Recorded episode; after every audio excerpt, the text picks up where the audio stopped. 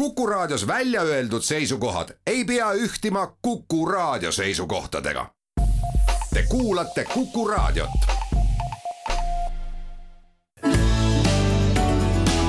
keskpäevatund. meie õpetaja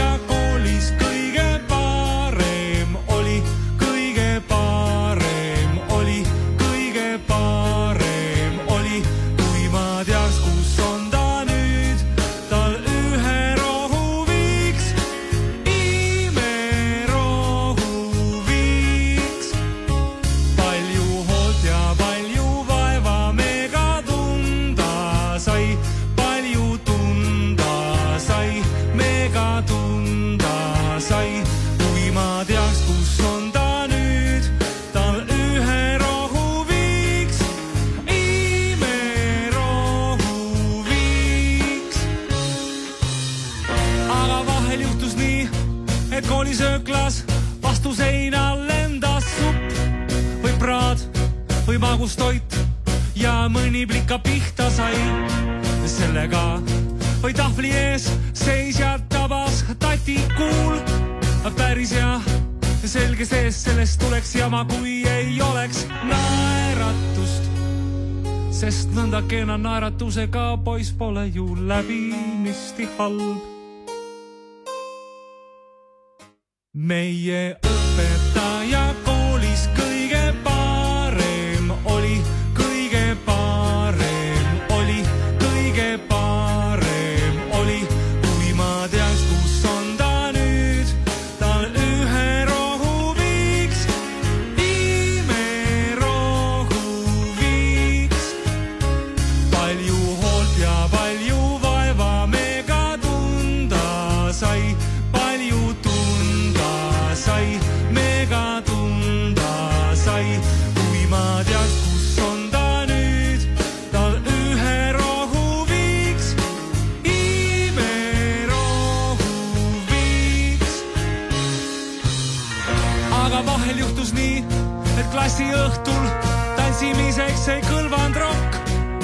jenka,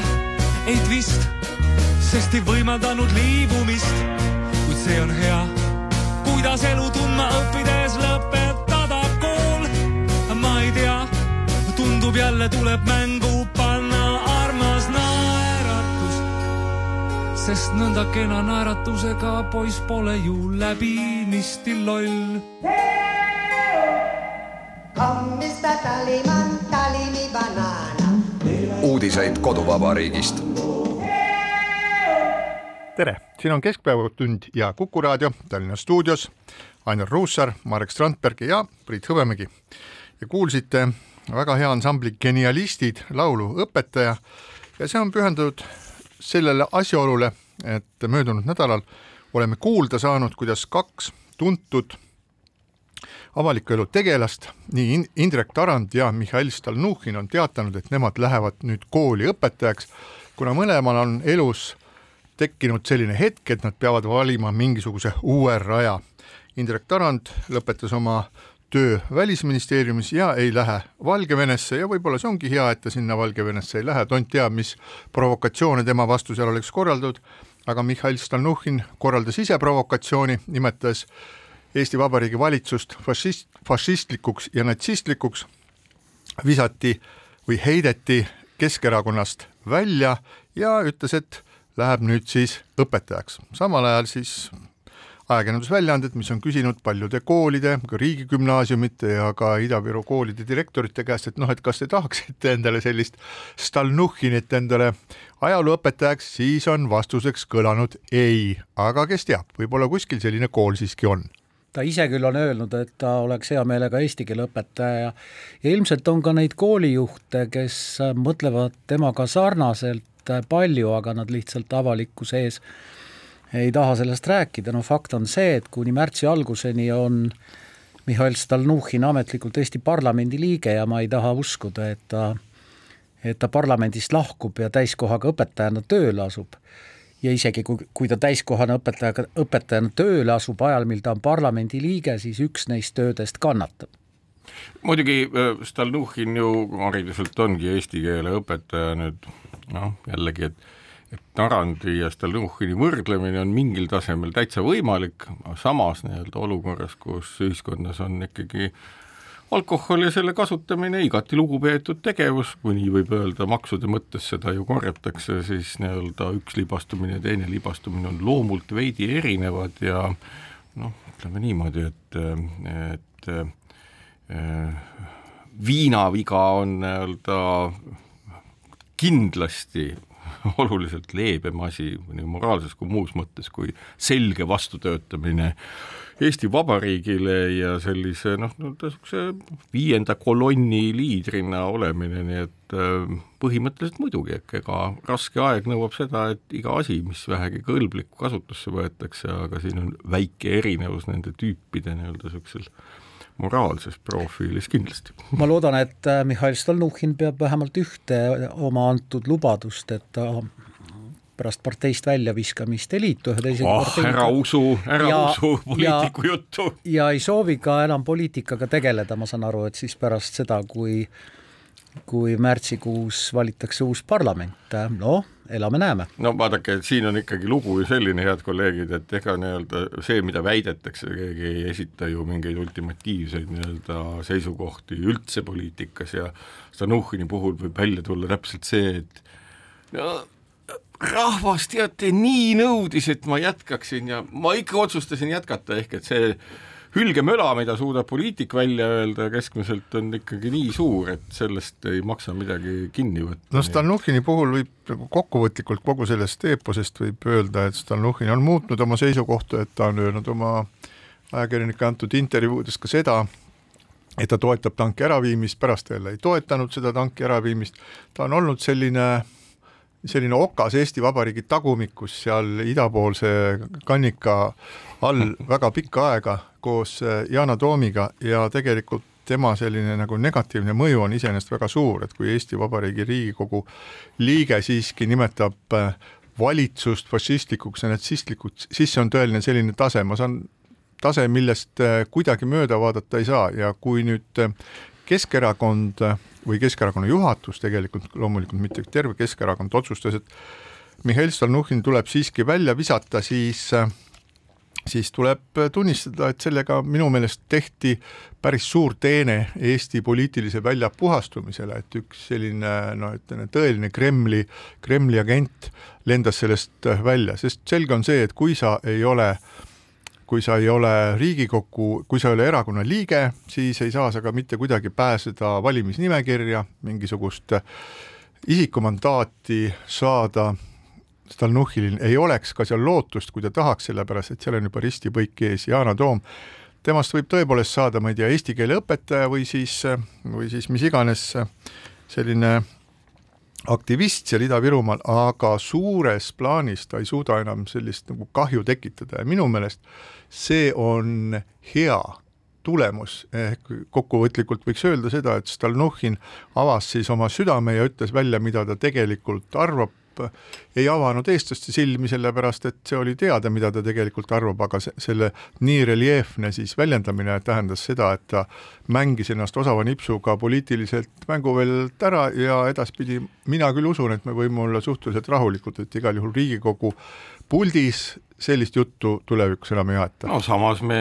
peaksime rohkem kõnelema sellest samast nähtusest nimega Yana Toom, kes koheselt nii-öelda tema kaitseks ju äh, ambrasuurile heitis end äh, kogu oma võimekuse ja tahtega, nii et äh, iseenesest see stalnuhhinlus kui selline viienda kolonni mehhanism on ikkagi selline paras noh, kas nüüd ahelreaktsioon, aga kaskaadreaktsioon ikka, et vaikselt siis üks või teine võimekas inimene ronib nii-öelda selle seisukohaga välja. ma ootan huviga seda hetke, et kui nii-öelda hakkavad tulema välja ka esimesed ettevõtjad, kes ütlevad, et jaa, et meil on siin väga halb olla, ja kuigi ma arvan, et ettevõtjatele meeldib raha rohkem kui ideoloogia, et selleks peab olema ikka väga diktaatorlik riik, et minna nii-öelda valitseja tagumikku lakkuma või tema meelt eh, rahuldama, see toimub valdavalt ida pool meist. nii et jääme siis ootama nii-öelda Yana Toomi järgijaid, et nii-öelda see võrgustik lõpuks kõige välja tuleks, selles mõttes, et see võrgustik on meile teadaolevalt olemas ja noh, kui inimesed ise nagu julgevad seda välja öelda või neilt nõutakse, et nad seda välja ütlevad, pigem ma kardan viimast, et ega siin mingit väga oma mõtlemist ei ole siis äh, seda selgemaks saab pilt, ehk et põhimõtteliselt tanki äraviimine on käivitanud sellise vanas mõttes filmi ja pildi ilmutamisprotsessi, millest siis lõpuks see niidistik välja joonistub. nojah, ei saa muidugi tähelepanuta, päris tähelepanuta jätta, et nii Stalnuhhinil kui ka Yana Toomil, kui vaadata valimistulemusi, siis nende toetajate arv ja sealsamas Ida-Virumaal oli ikka märkimisväärselt suur. ehk siis ma olen, ma olen sinuga nõus selles mõttes, et kui me suudame sellised liidrid Äh, noh, Yana Toom ei suuda, sest ta on Euroopa Parlamendi liige praegu, aga kui me suudame sellised Stalnuhhini taolised liidrid viia nagu kõrgelt positsioonilt või, või sellisest kõnetoolist ja võib-olla ka meedia huvist,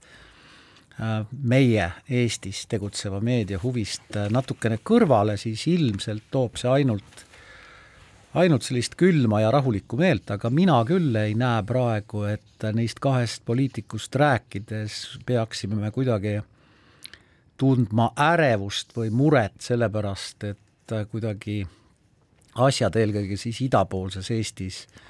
hakkavad nagu käest ära minema, et ei, ma, ma arvan, et siin elavad venelased on täiesti rahul, et nad praegu siin elavad, kui neil on siin töökoht ja alaline elamisluba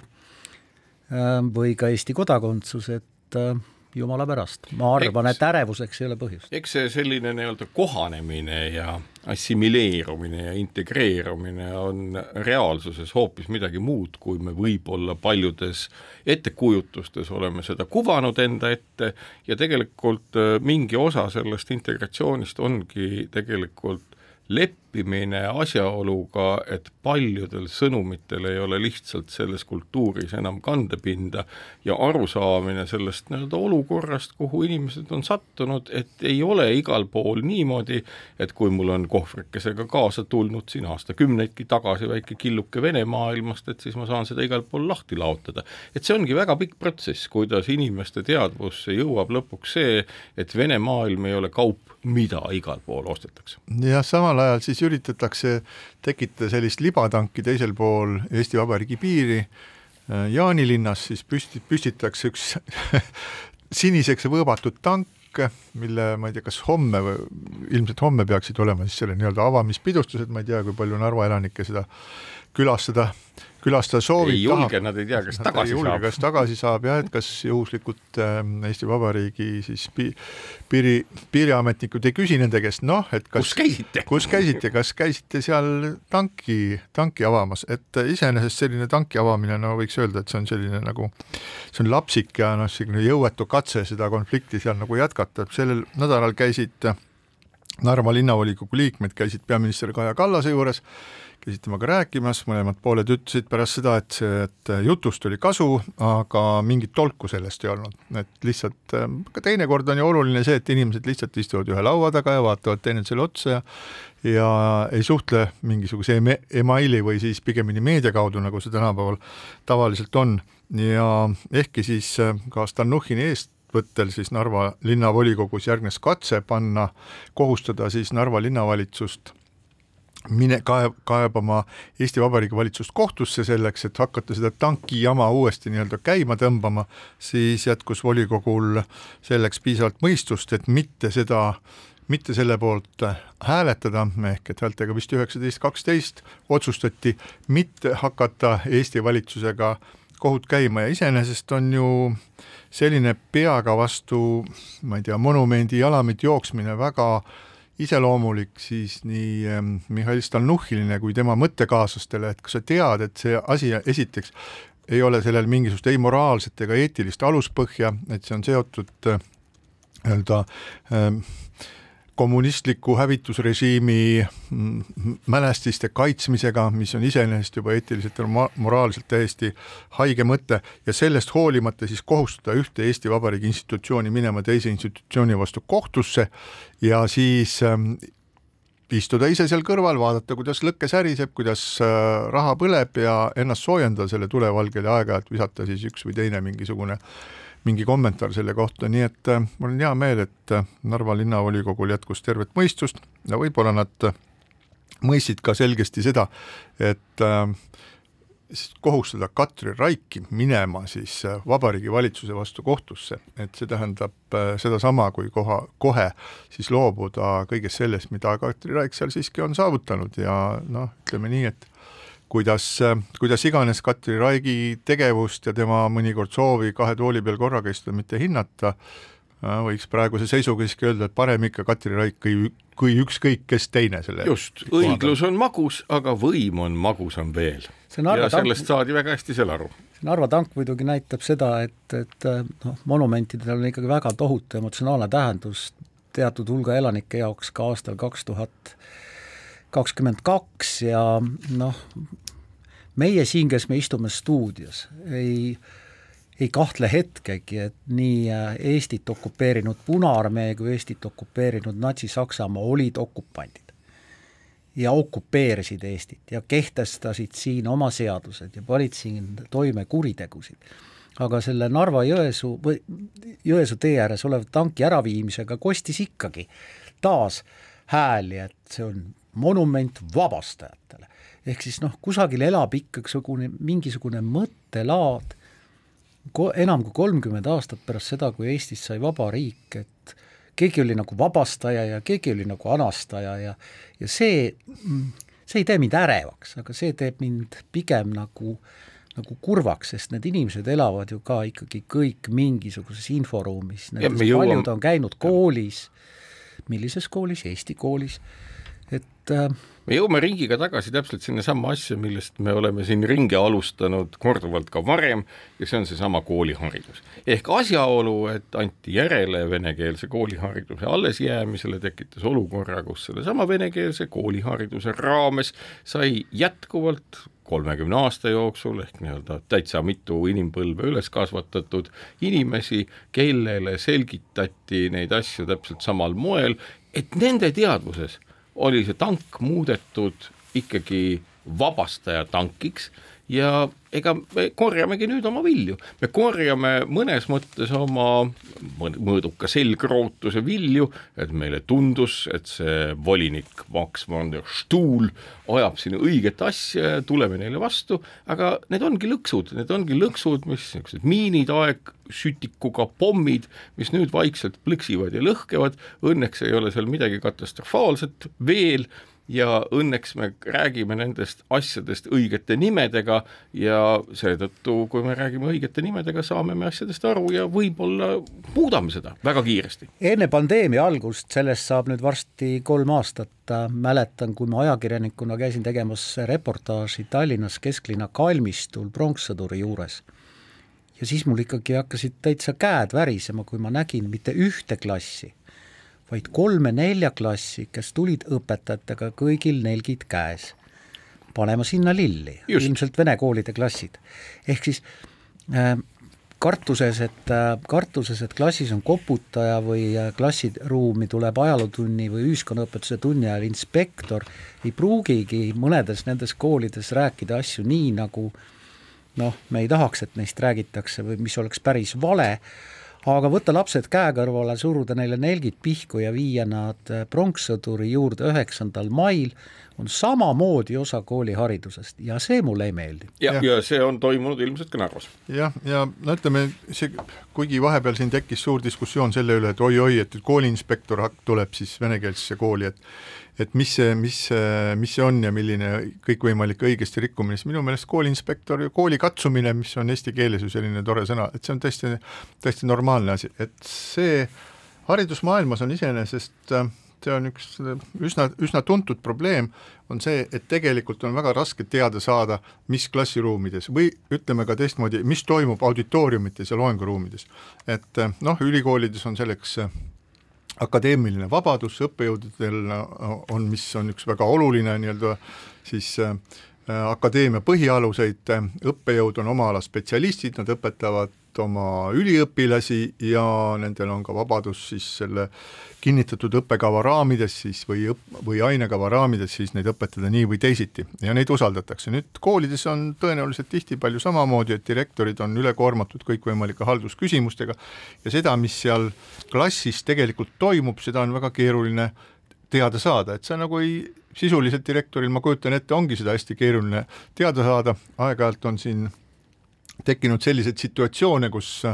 mõnel, mõnes maas või mõnes riigis on olnud liiga palju mikrofone ja siis äh, videokaameraid klassides, mis, kus, mille järgi on siis jälgitud, aga tegelikult isegi selline panoptikum, see, seda, seda füüsiliselt on, on äh, võimatu noh, niimoodi töö käigus hoida, ehk teiste sõnadega, et kui sul ei ole õpetajaid, kelle väärtustes sa võid olla täiesti kindel, siis sa ei saa olla kindel selles, mis toimub ka klassiruumis. Ja ma arvan, et see ongi kõigi nende vene koolide üks põhiline probleem, aga praeguse seisuga ma arvan, arvestades seda üldist meeleolu, mis Eestis on siis, et eestikeelne õpe tuleb nüüd kas või nui neljaks, maksku mis maksab, ellu viia võimalikult lühikese aja jooksul ja ka vene koolide õpetajad ma kujutan ette, et nad tajuvad seda olukorda, et kui nad nüüd kiiresti ennast jälle ümber ei organiseeri, et siis see leib, mis iseenesest on küll Eestis mitte enam isegi peenike, aga seda pikem, et see võib ka laualt kaduda. vot venekeelsete koolide hingeelu ma, ma, ma tõepoolest ei tunne, aga ma tean mitmeid eestikeelseid koole, kus on täiesti, peetakse täiesti normaalseks ja on saanud traditsiooniks, et noh, näiteks eesti keele õpetaja külastab matemaatikatundi, matemaatikaõpetaja ise kutsub ta. Mm. ja vastupidi, ajalooõpetaja külastab, ma ei tea, ühiskonnaõpetuse tundi ja nii edasi, ehk siis äh, külalisõpetaja, kes seda tundi jälgib, saab võib-olla mõnesid äh, nõkse ja nippe, võib-olla saab mõtteid, mida oma kolleegiga jagada, need olid erakordselt sõbralikud äh, tunnid, aga mina olen nendest osa saanud ehk siis noh, tegelikult see kontroll ei pea olema direktori ja inspektori tasemel, vaid see võib olla täiesti kollegiaalne. ega meie ajakirjanikena teame ju täpselt samamoodi, et kui kui meie kolleeg noh, teeb, teeb vea või, või me ise teeme vea ja kolleeg juhib sellele tähelepanu, siis me oleme ju noh, üüratult tänulikud selle eest. jah, kahtlemata. selles kontekstis on ju veel kord selle alguse juurde tagasi tulles Tarand ei läinud ju kooli sõiduõpetajaks, vaid ajalooõpetajaks ja oht olla ajalooõpetaja on olematu, pigem vastupidi, aga kui Stalnuhhin läheks kooli õpetama mida iganes, siis me ei tea, mis selle tulemus oleks. nii on ja siinkohal väike paus. keskpäevatund. ja Keskpäevatund jätkab Ainar Ruussaar, Marek Strandberg ja Priit Hõbemägi. räägime nüüd sellest äh, diskussioonist, mis puhkes sellel nädalal pärast seda, kui äh, valitsus äh, istus, mõtles ja, või täpsemalt valitsuskabinet istus, mõtles ja kinnitas siis järgmiseks Euroopa Kontrollikoja Eesti esindaja kandidaadiks Keit Pentus-Rosimannuse. nüüd kus kohas see intriig siin on, eks me oleme nendel nädalatel ju palju rääkinud, kuidas määratakse Eestis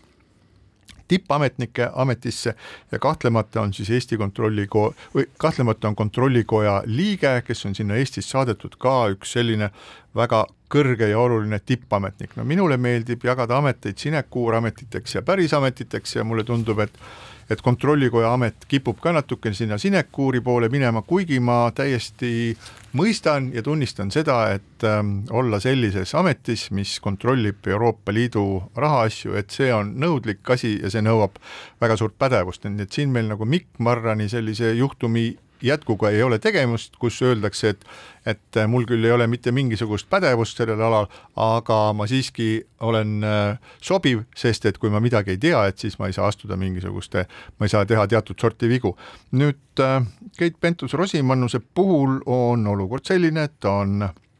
rahandusminister seaduse järgi kontrollikoja kandidaadi peab esitama rahandusminister ja selge on see, et Keit Pentus-Rosimannus iseennast esitada ei saa ja sellepärast esitas siis tema kandidaadi asendusminister, rahandusministri kohusetäitja Urmas Kruuse Reformierakonnast, nii et tundub, et see asi nagu päris selline no päris hästi igal juhul välja ei paista. Ja arutelu selle üle, et kas kas siis äh, tema kandidatuuri üle piisavalt kaua räägiti või mitte, kui me meenutame, et praeguse kontrollikoja liikme üle arutati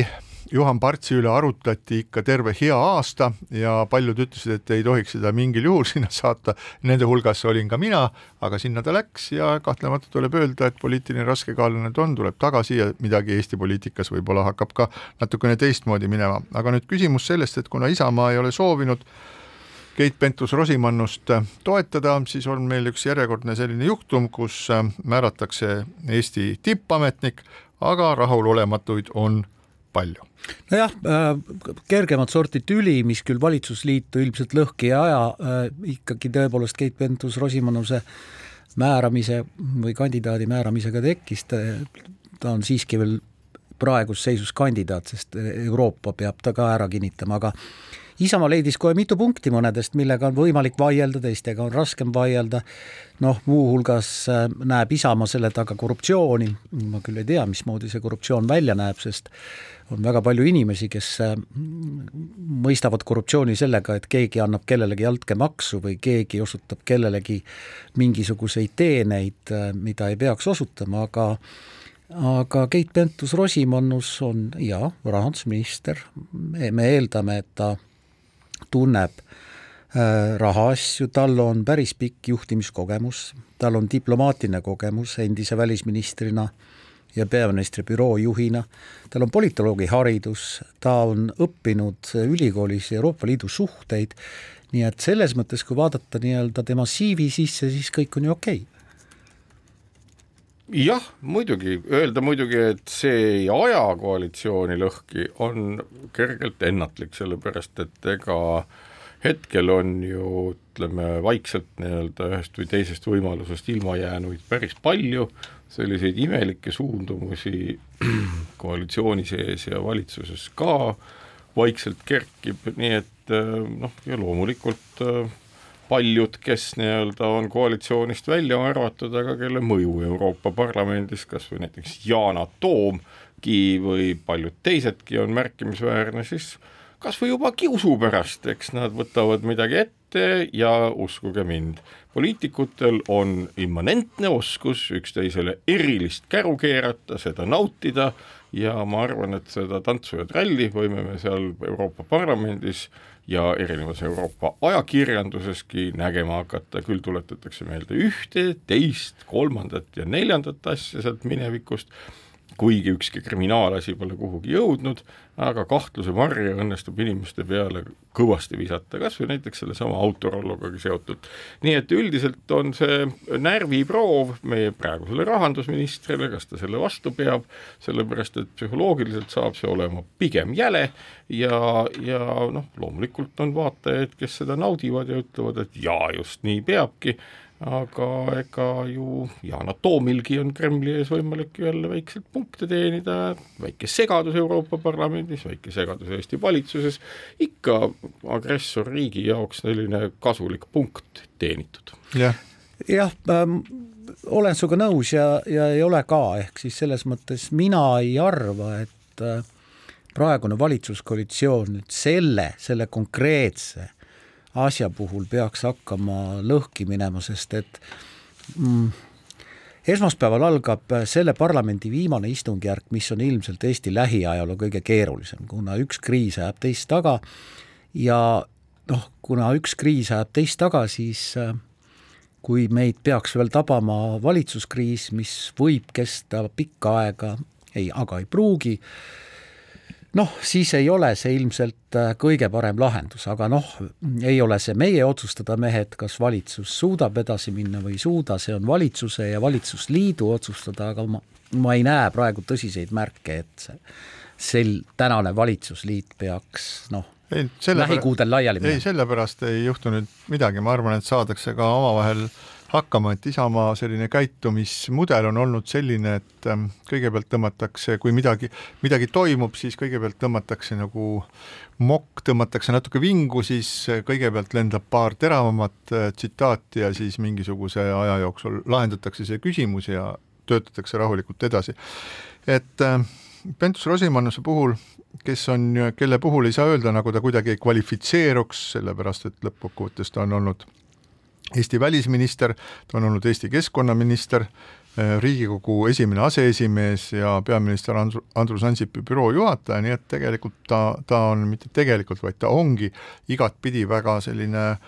mm, teenekas Eesti Vabariigi poliitik. Ja mis puudutab siis seda eh, niinimetatud Autorollo kohtuasja, mis, millesse oli siis ähm, segatud tema isa äh, Väino Pentus ja see kohtuasi oli seotud siis tema isale kuulunud autofirma Autorollo pankrotiprotsessiga, nii et see sai nii suureks äh, jutuaineks, et sellest tehti isegi, isegi laule, eesti keeles on teatavasti see ütlus, et panen su laulu sisse, igal juhul Autorollo on laulu sisse pandud. nüüd aga kahe tuhande kaheksateistkümnendal aastal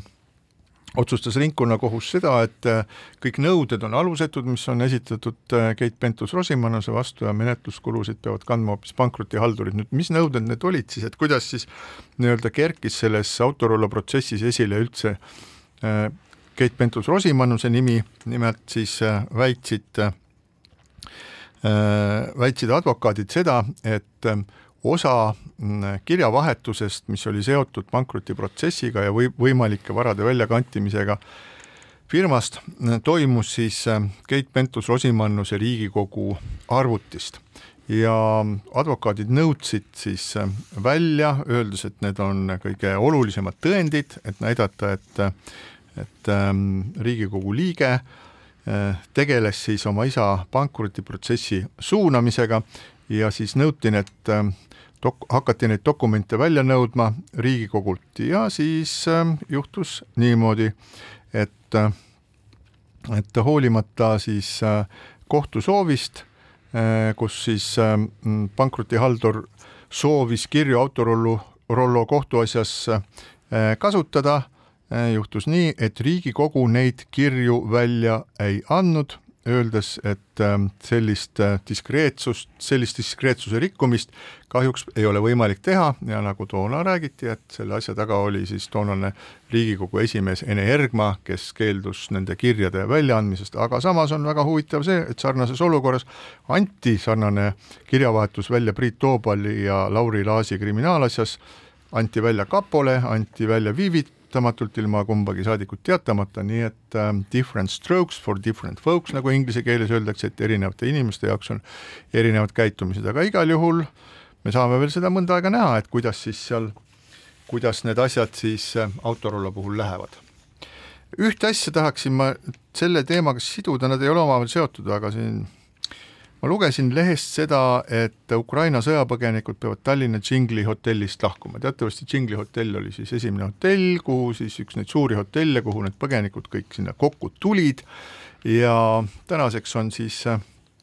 esimene ports nendest, äh, kes kõigepealt olid laeva peal ja siis olid Džinglis ja nüüd on leidnud omale kodu ka kuskil mujal ja ja nüüd on seal järgmised inimesed. Ja korraga siis nendele inimestele, kes olid seal ennast sisse seadnud, teatati, et äh, nad peavad kahe nädala jooksul vabastama Tallinnas Džingli hotellis toad, sest riigileping majutusasutusega lõpeb. Ja noh, et nüüd ootab neid ees siis üüriturg või mingisugune äh, minek siis Nelijärvele või Saaremaale, mis minu jaoks tundub selle olukorra juures absoluutselt veider ja arusaamatu. meil on tegu kooliaasta algusega, pal-, seal on, seal on palju lapsi, paljud lapsed on läinud, saanud koolikoha, vanemad on, nende vanemad on näinud vaeva. Ja nii, nagu minu tuttavad äh, Ukraina pagulased, kellega mina suhtlen, räägivad, on see ikka päris paras kadalipp, sest nad ei mõista tihtipeale meie äh, haridusbürokraatiat ja noh, seda mitte ainult nemad, vaid ka paljud eestlased ei saa sellest aru. nii et lapsed on saanud lõpuks endale koolikoha suure tegemisega, on saanud lasteaiakoha, keegi on leppimas kokku sellega, et saab endale mingisuguse töökoha ja, ja hakkab elu sisse kuidagi seadma ja võib-olla siis läheb sealt üüriturule ja nüüd teatakse, okei okay,, davai nüüd kõik bussi ja sõidate Sõmerale, Saaremaale või sõidate Nelijärvele ja kõik see jääb siia maha. et ehk see võrgustik, mille inimesed on püüdnud seal ehitada, et see läheb kõik äh, vett vedama, siis kui ma lugesin seda, mida ütles sotsiaalkaitseminister Signe Riisalo, kellest ma pean ütlema, pidasin täitsa lugu tänase päevani, kuulsin, mida ta siis äh, kuidas ta vastas probleemi lahenduse kohta, ta ütles, et või minister kutsus inimesi üles üürima oma kasutamata kinnisvara sõjapõgenikele. kuulge, meil on, meil on nagu probleem, seal on sajad inimesed ja minister ütleb, et lahendus sellele on selline inimesed, üürige neile välja oma korterid, minu meelest see on üks täielik jama. siin on lühidalt üks laiem küsimus, sellepärast et ega ju inimeste kaastundlikkus nende samade sõjapõgenike vastu ja suhtes oli enneolematu ja nüüd juhtuski selline omapärane asi, et äh, riik loomulikult püüdis selle kaastunde ja empaatia vajaduse just nagu mingiks hetkeks kinni, ametnikud toimisid natukene ühes või teises suunas ja ega siin ju mingil hetkel, miks ei saa seda kõike võimaldada, miks ei saa lasta neil edasi olla seal, ega jällegi, küsimus on selles, et äh, kust tuleb see keeld seda teha ja vaadake, siin ikkagi lahendus on selles, et keeld tuleb ju kust iganes mujalt kui Rahandusministeeriumist. ehk Rahandusministeerium on see koht, kust öeldakse, et ei, meil ei ole selle jaoks eelarves vahendeid. ja selles osas nii-öelda selline kalk suhtumine empaatiasse, mis ühiskonnas on olemas ja noh, võidaksegi öelda, Riisalu ka samamoodi ütleb, et noh, et olge siis empaatilisemad. ei, me oleme tegelikult mitte ainult oma maksude kasutamise, vaid ka teatud mõttes sellise kollektiivse empaatia delegeerinud riigile ja soovime, et seda ühiskonnas ikkagi järgitakse. ja see ahel, kust raha keelatakse, tuleneb Rahandusministeeriumist. nojah, vot äh, see on, kõik meenutab mulle natuke Saint-Exupéry väikest printsi, kus rebane ütles väikesele printsile, et oled mu taltsutanud, siis pead ka vastutama, et tegelikult kui Eesti riik äh, ja meie nende hulgas oleme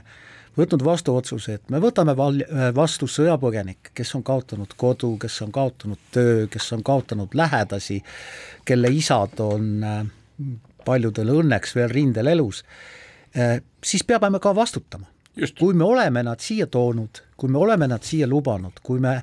oleme lubanud, et nad õpivad eesti keele, keelses koolis, aga me aitame neid nii palju järele, kui me suudame, siis me ei saa seda vastutuse osa ära unustada. ja nii see on. siinkohal väike paus. keskpäevatund. ja Keskpäevatund jätkab, Ainar Ruussaar Marek Strandberg ja muidugi Priit Hõbemägi. räägime nüüd sellest, kuidas Vene kodanikud tulevus, tule, tulevikus saavad või ei saa külastada Euroopa Liitu, teatavasti on siis Euroopa Liiduga pikimaid piire omavad riigid nagu Soome, Eesti, Läti, Leedu, Poola rääkinud juba pikemat aega sellest, et Vene kodanike sissevool üha suureneb ja suureneb, kui me vaatame Eestit, siis on see vist juba märtsiga võrreldes kahe- või kolmekordistunud, nii et kuskilt tuleb neid Venemaalt neid inimesi sisse juurde ja juurde, juurde ja juurde. Ja noh, kui me võime ju, võime ju arvata seda, et suurem osa neist on heade kavatsustega või soovib nautida Euroopa kultuuri, siis me ei saa kuidagi jätta tähelepanuta seda, et millisest, mida teeb see riik, mille kodanikud nad on ja et selle riigi kodanikuna, kodanikena nad kindlasti kannavad mingisugust kaasvastutust. Ja kuna nähes, et Euroopa Liidu suured riigid tegelikult väga ei, teatud põhjustel ei soovi piirata äh, siis äh, turismiviisasid ja Venemaa kodanikele, sest võib-olla noh, võib-olla Itaalia, Prantsusmaa, võib-olla ka Saksamaa, kus on äh, soovivad, äh, soovivad turistide voolu jätkata, aga kuna lennuliinid teatavasti on lennata siis Euroopa Liitu Venemaalt ei ole enam võimalik nii-öelda otse üle, siis on nendesse riikidesse pääsemine väga keeruline ja siin tulevad, siis ongi siis selline lahendus, et siis need inimesed tulevadki siis piiriäärsete riikide kaudu, no meile tähendab see kindlasti ka ka turvalisus- ja julgeolekuriske, sest äh, tont teab, mis tüübid nende inimeste hulgas seal on, kõiki ju kontrollida ei jõua ja nii ongi siis äh, neli riiki, Eesti, Läti, Leedu ja Poola sõlminud sellise leppe, et äh, üheksateistkümnendast septembrist suletakse suures osas turismiviisaga sissepääs Euroopa Liitu meie piiridelt, suuremad Euroopa Liidu riigid veel arutavad, kuidas seda teha ja, ja tühistavad seda mingisugust eelisviisa režiimi, mis iganes see on, aga tõenäoliselt äh, tekib uus olukord, ehk et äh, piir on kinni, teisel pool on, meie pool on kork ees ja teisel pool kasvab surve. jah, äh, minu jaoks on ka siin mitu aga, et noh, üks on selge, et et need ettevõtjad, kes veel mõned aastad tagasi enne pandeemiat Ähm, noh, ootasid äh, ja nägid une, unelmate unenägudes seda, mis toimub jõuluturul, kus pooled olid Vene turistid, kes mõnede päevade jooksul, loetud päevade jooksul, millal Tallinnas olid laha, raha seal Raekoja platsil jõuluturul ei lugenud. aga minu jaoks on tõesti palju agasid, noh, Soome on küll teinud märkimisväärseid piiranguid, aga päris lukku ta oma piiri Venemaaga pannud ei ole. fakt on see, et kui meil on väljas mitu kriisi, mis ajavad üksteist taga, siis võimekus taastada Schengeni alal sisepiiride kontroll ei ole ja ei peagi olema, sellepärast et noh, Schengeni lepe on lepe, mis puudutab väga paljusid riike ja sellest ühepoolselt taganeda ei ole võimalik, nii et me räägime ikkagi ainult Eesti, Läti, Leedu, Poola ja noh, äh, äh, praegusel hetkel läbi lillede ka Soome, äh, Soome idapiirist. Soome on tõsi küll öelnud, et ta vähendab väljaantavate viisade hulka. ja, ja tõstis ka viisade hinda vist Just. kolm korda. aga, aga noh, alati on ju tegelikult võimalus, et Vene kodanik, kes on saanud Schengeni viisa, kuidas siis suhtuda temasse, kui ta tuleb noh, üle Schengeni piiri või või, või lendab transiitlennul lennukiga kuidagi, et noh, ähm, senine viisastatistika ei tule sealt Venemaalt mingisugust transiitlende, ei, ei, ei ma, tule üldse mingeid lende? ei, ma pean silmas, et ta istub Turkish Airlinesi oma kodumaal ja lendab Istanbuli kaudu Pariisi. see on täiesti võimalik seda kindlasti jah, aga ta ei, ta ei tule üle, ta ei tule üle piiri siia ja temaga koos sellega väheneb ka siis täitsa oluline selline julgeoleku ja turvalisusoht. ei,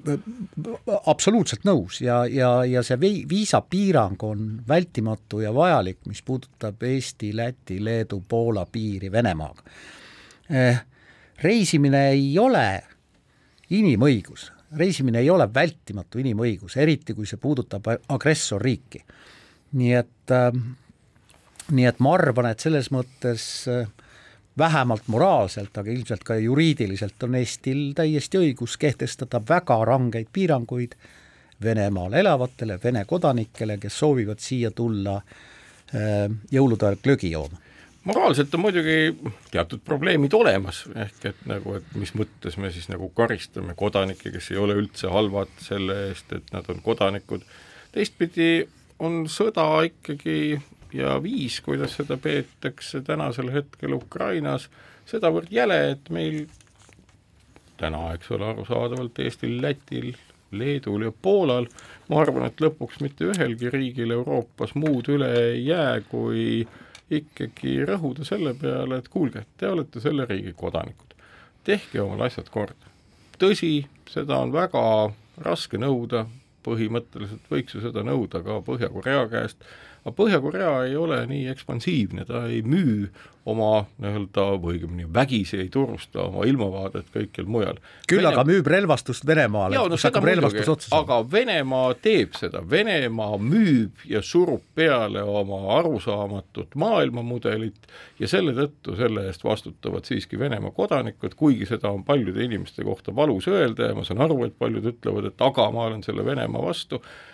nii palju kui võimalik on täna võimalik Vene kodanikel loobuda oma kodakondsusest, leida uus elukoht, pöörata selg sellele jätiste riigile, mis nagu ehitab üles üsna valulist maailmamudelit ja tehagi seda aktiivselt.